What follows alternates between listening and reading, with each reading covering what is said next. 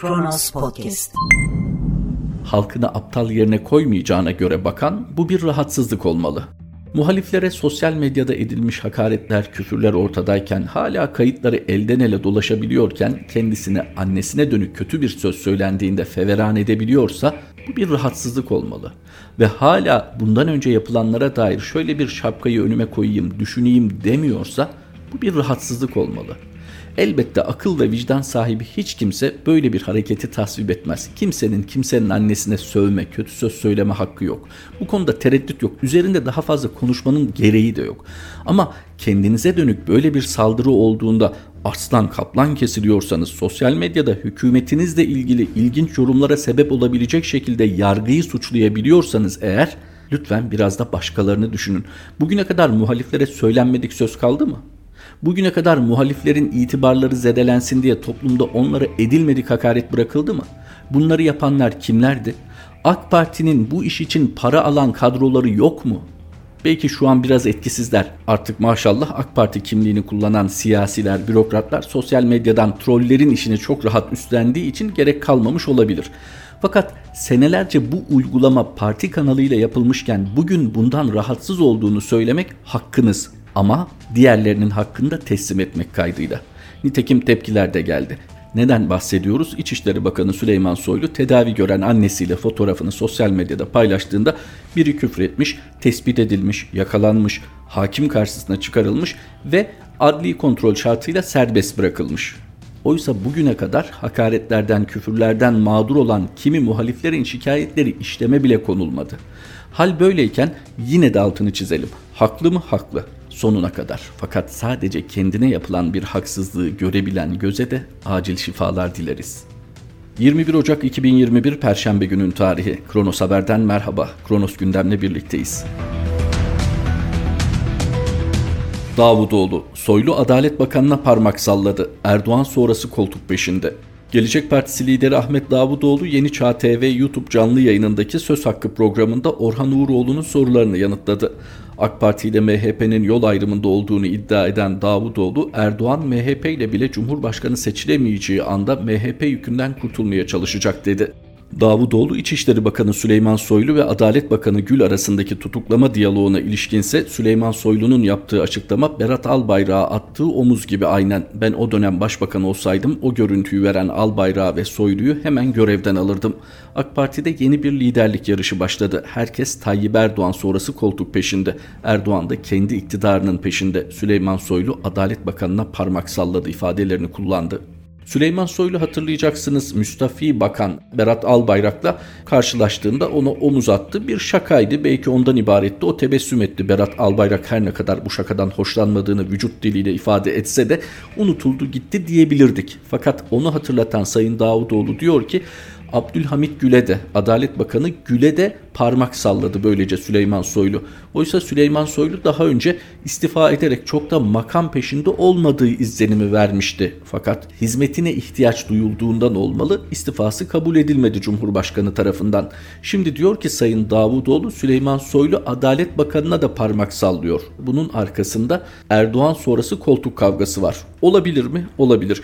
Neticede burası askeri sistem içerisinde bile generallik terfi sırası geldiğinde bir takım general ya da general adaylarının özel hayatlarına ilişkin hastalık raporlarından tutun da bir takım gizli ya da dedikodu mahiyetindeki söylentilerin ortaya dökülebildiği yani bel altı çalışılan bir ülke maalesef tekrar edelim. Siyasette neden olmasın çünkü tepki yerinde annesine küfredilmiş Sayın Bakan'ın. Sayın Bakan gerekli girişimlerde bulunmuş, kişiye ulaşılmış hakim karşısına çıkarılmış fakat hakim demiş ki adli kontrol şartıyla serbestsin. Buna itiraz ediyor, buna isyan ediyor. Fakat Kendisine yine AK Parti cenahından gelen şöyle bir eleştiri de var. Onun da altını çizelim. Hani bunu bir telefonla halledebilecekken, Adalet Bakanı'na ulaşabilecekken, belki daha da yukarı ulaşabilecek ve bu sitemini değil de şikayetini dile getirebilecekken neden bunu sosyal medyada yapıyorsun, niyetin ne diye bir sorgulama var. Belki siz de rastlamışsınızdır sosyal medyada. Bu sorgulama parti açısından son derece haklı. Fakat tepkisi de insani bir tepki. Hani siyasi bir hesap yapmadan ben kızdım bunu paylaşıyorum denilirse de kimse şaşırmaz. Ancak Siyasi adımların son derece hesaplı atıldığı bir ortamda Gelecek Partisi lideri Sayın Davutoğlu'nun bu tezini de yabana atmamak lazım. Yani bu acaba Erdoğan sonrası liderlik için şimdiden girişilmiş bir yarış mı yoksa son derece basit insani bir tepki mi? Ha kendi adıma dürüst olayım. insani tepkiler konusunda samimiyetlerinden şüpheliyim.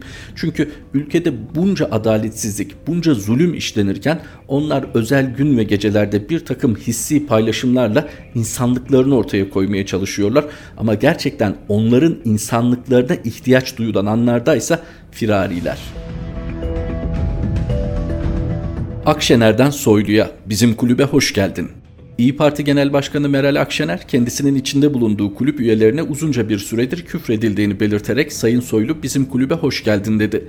İçişleri Bakanı Süleyman Soylu annesine ve kendisine sosyal medyada küfreden kişinin serbest bırakıldığını belirterek tweetimle yeniden alırsanız provokasyon sayacağım paylaşımı yapması üzerine Adalet Bakanı Abdülhamit Gül bana tutuklama siparişi vermeyin dedi. Bu konudaki düşüncelerinin sorulması üzerine Akşener Sayın Soylu bizim kulübe hoş geldin dedi. Akşener cevabının devamında reform gibi önemli bir konuya da değiniyor. Onun için aktaralım o kısmı. Şöyle bir kulüp var Türkiye'de hepimizin içinde yer aldığı, benim uzunca bir zamandır yer aldığım, anamıza bizim sinkaflı sövüldü, benim şahsıma çok çirkinlikler yapıldı. Dolayısıyla bu sosyal medyada veya diğer alanlarda aleni her türlü çirkinlik sövgü olduğunda köz dinlerdi. Şimdi Sayın Soylu istemezdim aynı şeyleri yaşamasını. Neticede bir İçişleri Bakanı benim devlet anlayışımda böyle bir durum olamaz. İçişleri Bakanı sosyal medyadan da şikayet edemez. Sonuçta ana çok saygı duyuyorum ama bizim kulübe hoş gelmiş. Sayın Abdülhamit Gül'ün söylediği söyledikleri üzerinden yorum yaparsak bir taraf reformcu demek ki bir taraf reform konusunda alerji duyuyor. Biz de onu izleyeceğiz. Sayın Akşener olması gereken tepkiyi verdikten sonra hükümet içinde tartışılan, konuşulan reformcu ve reforma karşı kanatlar üzerinden tespitini paylaşıyor. Sayın Abdülhamit Gül ve Sayın Soylu arasında geçen bu kısa diyalog ama derin bir diyalog acaba bir kanadın reformcu bir kanadın da reform karşıtı olmasından kaynaklanan bir durum mudur? O da diyor biz de onu izleyeceğiz. Tabi bu izlenirken pek çok insan bu hukuksuzluğun içinde maalesef canını kaybediyor, malını kaybediyor, hayatını, itibarını kaybediyor. Ama onlar aralarında reformu değil mi tartışa dursunlar. Sayın Akşener devamında da diğer güncel konulara değiniyor. Gelecek Partili Selçuk Özdağ saldırının soruşturmasını yürüten savcıya yönelik MHP çevrelerinden yapılan tehdit açıklamalarının ardından siyasetin sessizliğinin tartışılmasını nasıl değerlendirdiği yönündeki soruya şu cevabı vermiş Akşener.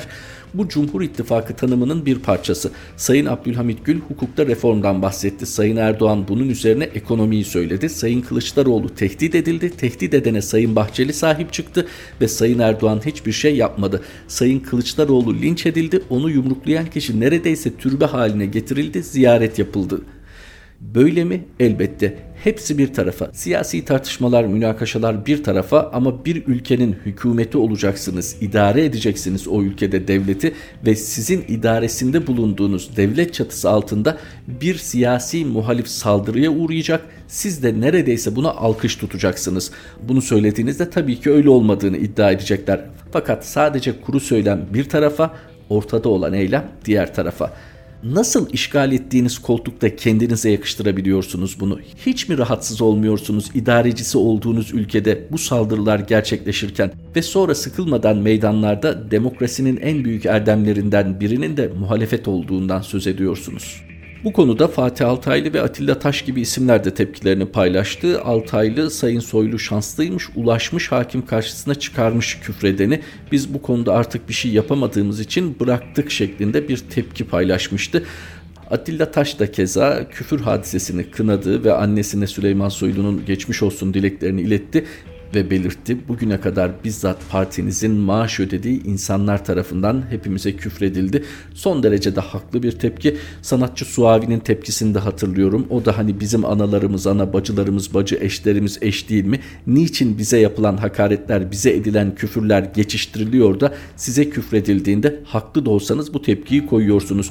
Bakın lütfen başınızı yastığa koymadan düşünün. Başkalarına reva gördüğünüze siz niçin tepki gösteriyorsunuz? Kendinize hak gördüğünüzü başkalarına niye hak görmüyorsunuz? Bulunduğunuz konum aslında tam da adalet dağıtmak için örnek olmakla sorumlu olduğunuz bir konum. Kılıçdaroğlu, iktidar ülkeyi yönetemiyor. Herkes sandığı bekliyor. CHP Genel Başkanı Kemal Kılıçdaroğlu Kırşehir'de gazetecilerin Anayasa Mahkemesi'nin Berberoğlu ile ilgili olarak ikinci kez verdiği hak ihlaliyle ilgili kararı hakkındaki sorularını yanıtladı. Kılıçdaroğlu AYM kararının iki açıdan önemli olduğunu vurgulayarak şunları söyledi. Adaleti sağlaması, haksızlığı gidermesi açısından önemli. İkincisi adalet düzeninin tekrar inşası için kararı uygulamayan hakimlerin kulağına küpe olur. Devletin yargı, adalet üzerine inşa edildiğini biliyoruz. Eğer yargı ve adalet düzeni bozulursa, vatandaş hakkını arayamaz konuma gelirse bu büyük bir devlet krizine yol açar. Şimdilik o kriz önlenmiş oldu dedi. Adalet Bakanı Abdülhamit Gül ile İçişleri Bakanı Süleyman Soylu arasında başlayan polemikle ilgili soruya da cevap vermiş Kılıçdaroğlu, Türkiye'de en sorunlu alanlardan birisi yargı, yargıya iktidarın müdahale ettiğini ve talimat verdiğini, bu talimat çerçevesinde yargının karar aldığını biliyoruz. Ama hükümetten iki ayrı bakanın bu konuda tartışma zemini yaratmaları bu hükümetin Türkiye'yi nasıl yönetemediğinin açık göstergesidir. AK Parti hükümeti Erdoğan artık Türkiye'yi yönetemiyor, her alanda sorunumuz var yorumunu yaptı. Sayın Kılıçdaroğlu'nun açıklamaları bu şekilde. Burada hemen hatırlatmak lazım. Enis Berberoğlu ile ilgili yaşanan süreç malum. Anayasa Mahkemesi bir hak ihlali kararı verdi. Yerel mahkeme tanımadı. Anayasa Mahkemesi bu kararında ısrarcı olacak şekilde ikinci defa ihlal kararı verdi. Sayın Kılıçdaroğlu bunu değerlendiriyor. Ama Sayın Kılıçdaroğlu da şunu unutmamalı. Enis Berberoğlu dahil ve şu an HDP'li milletvekilleri dahil hiç de olmaması gerektiği şekilde bir mağduriyet yaşadılar ve yaşıyorlar. Burada da bir şekilde artık hükümetin gazına gelmek mi yahut da hükümetin oyununa gelmek mi nasıl tabir ederseniz edin bu dokunulmazlıkların kaldırılmasının önünün açılması söz konusu. Ve bu aslında bir tehdit unsuru olarak hep meclisin üstünde duracak. Mevcut sistemde zaten meclisin bir etkinliği yok. Ama mecliste bulunup da bir şeyleri kayda geçirebilecek olan, bir şeyleri kamuoyunun dikkatine sunabilecek olanlarla ilgili de hep bir fezleke tehdidi var. İşte bunun önü açılmış oldu maalesef. Sayın Kılıçdaroğlu'nun iki bakan arasındaki tartışmaya ilişkin yorumu da muhalif bir isim olmaktan öte aslında bir vatandaş gözlemi dahi sayılabilir. Çünkü her şeyden önce koalisyonlar dönemi bitsin diye hazırlanan böyle bir sistemde koalisyonlardan çok daha derin ittifakların kurulmak zorunda kalındığı ortada. Ama bu ittifaklar zaman zaman pazarlık unsuru olarak çatırdamanın, bölünmenin kıyısına gelebiliyor. Böyle bir yorum hiç de aşırı değildir. Yani iki bakan arasında sadece kişisel bir tartışma olduğunu düşünmemek lazım.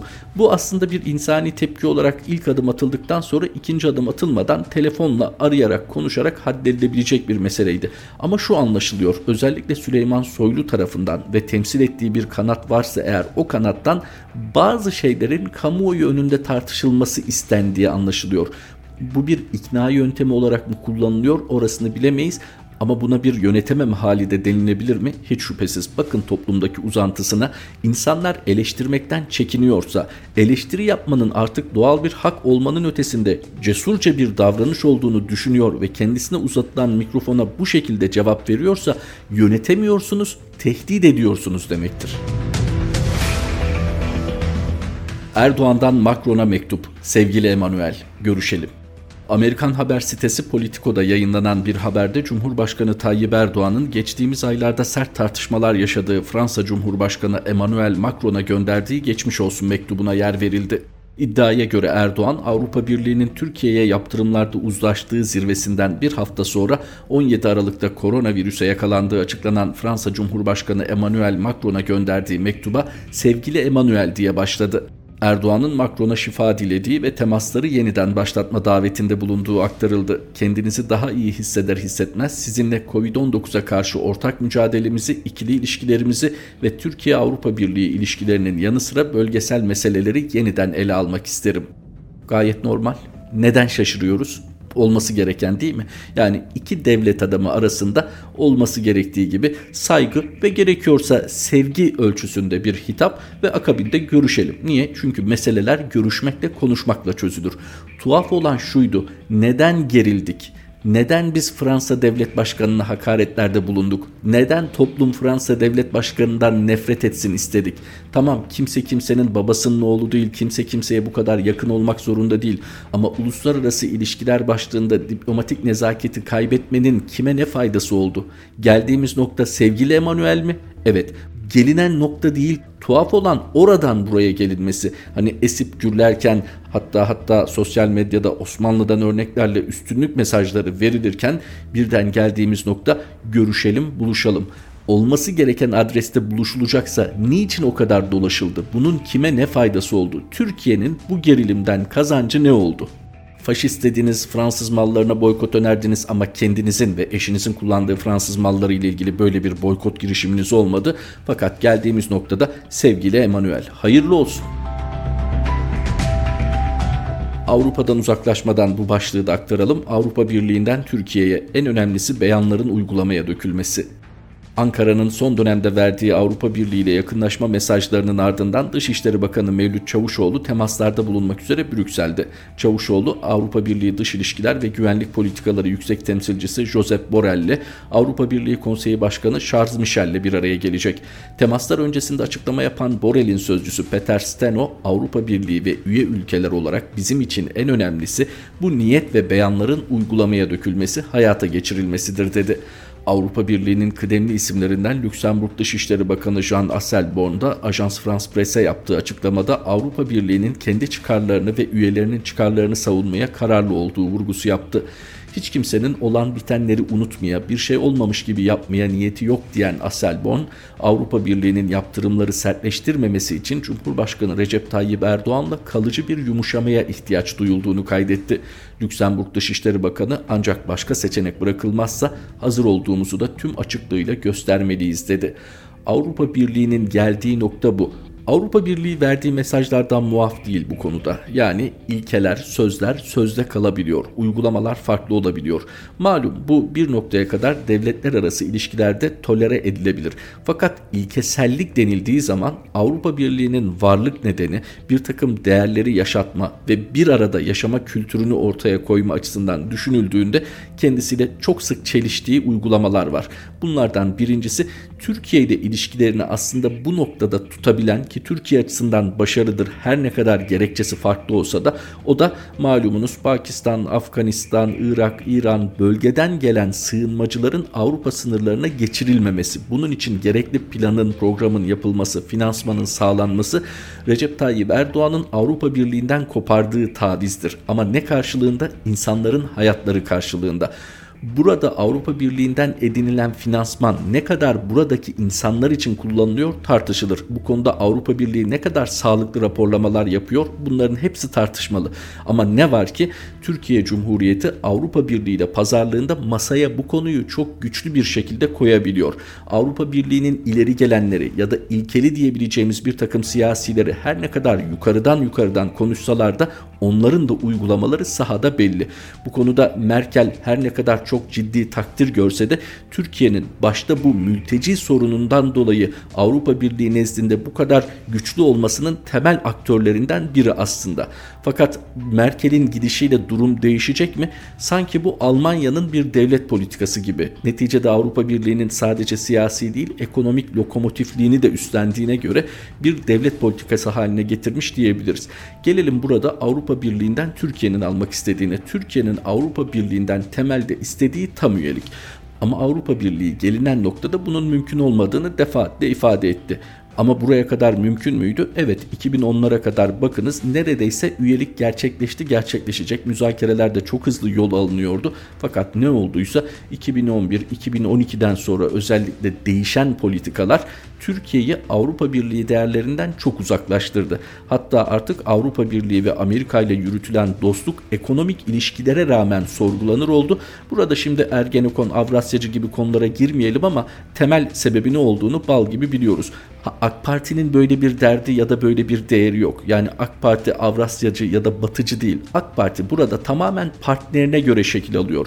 Özetle Avrupa diyor ki sözleriniz çok güzel peki eylemleriniz. Geldik mi tekrar reform tartışmasına?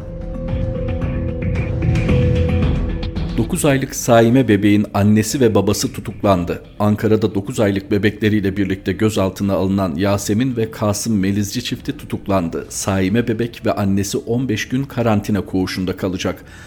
9 aylık bebeğiyle demir parmaklıklar ardına gönderilen Yasemin Hanım'ın KHK'li ve tutuklu ailelerine iaşe temin etme suçlamasıyla 15 yıla kadar da hapsinin istendiği bir ülkede neyi konuşuyoruz ki? Kronos Haber'den Kronos Gündem'i aktardık. Hoşçakalın.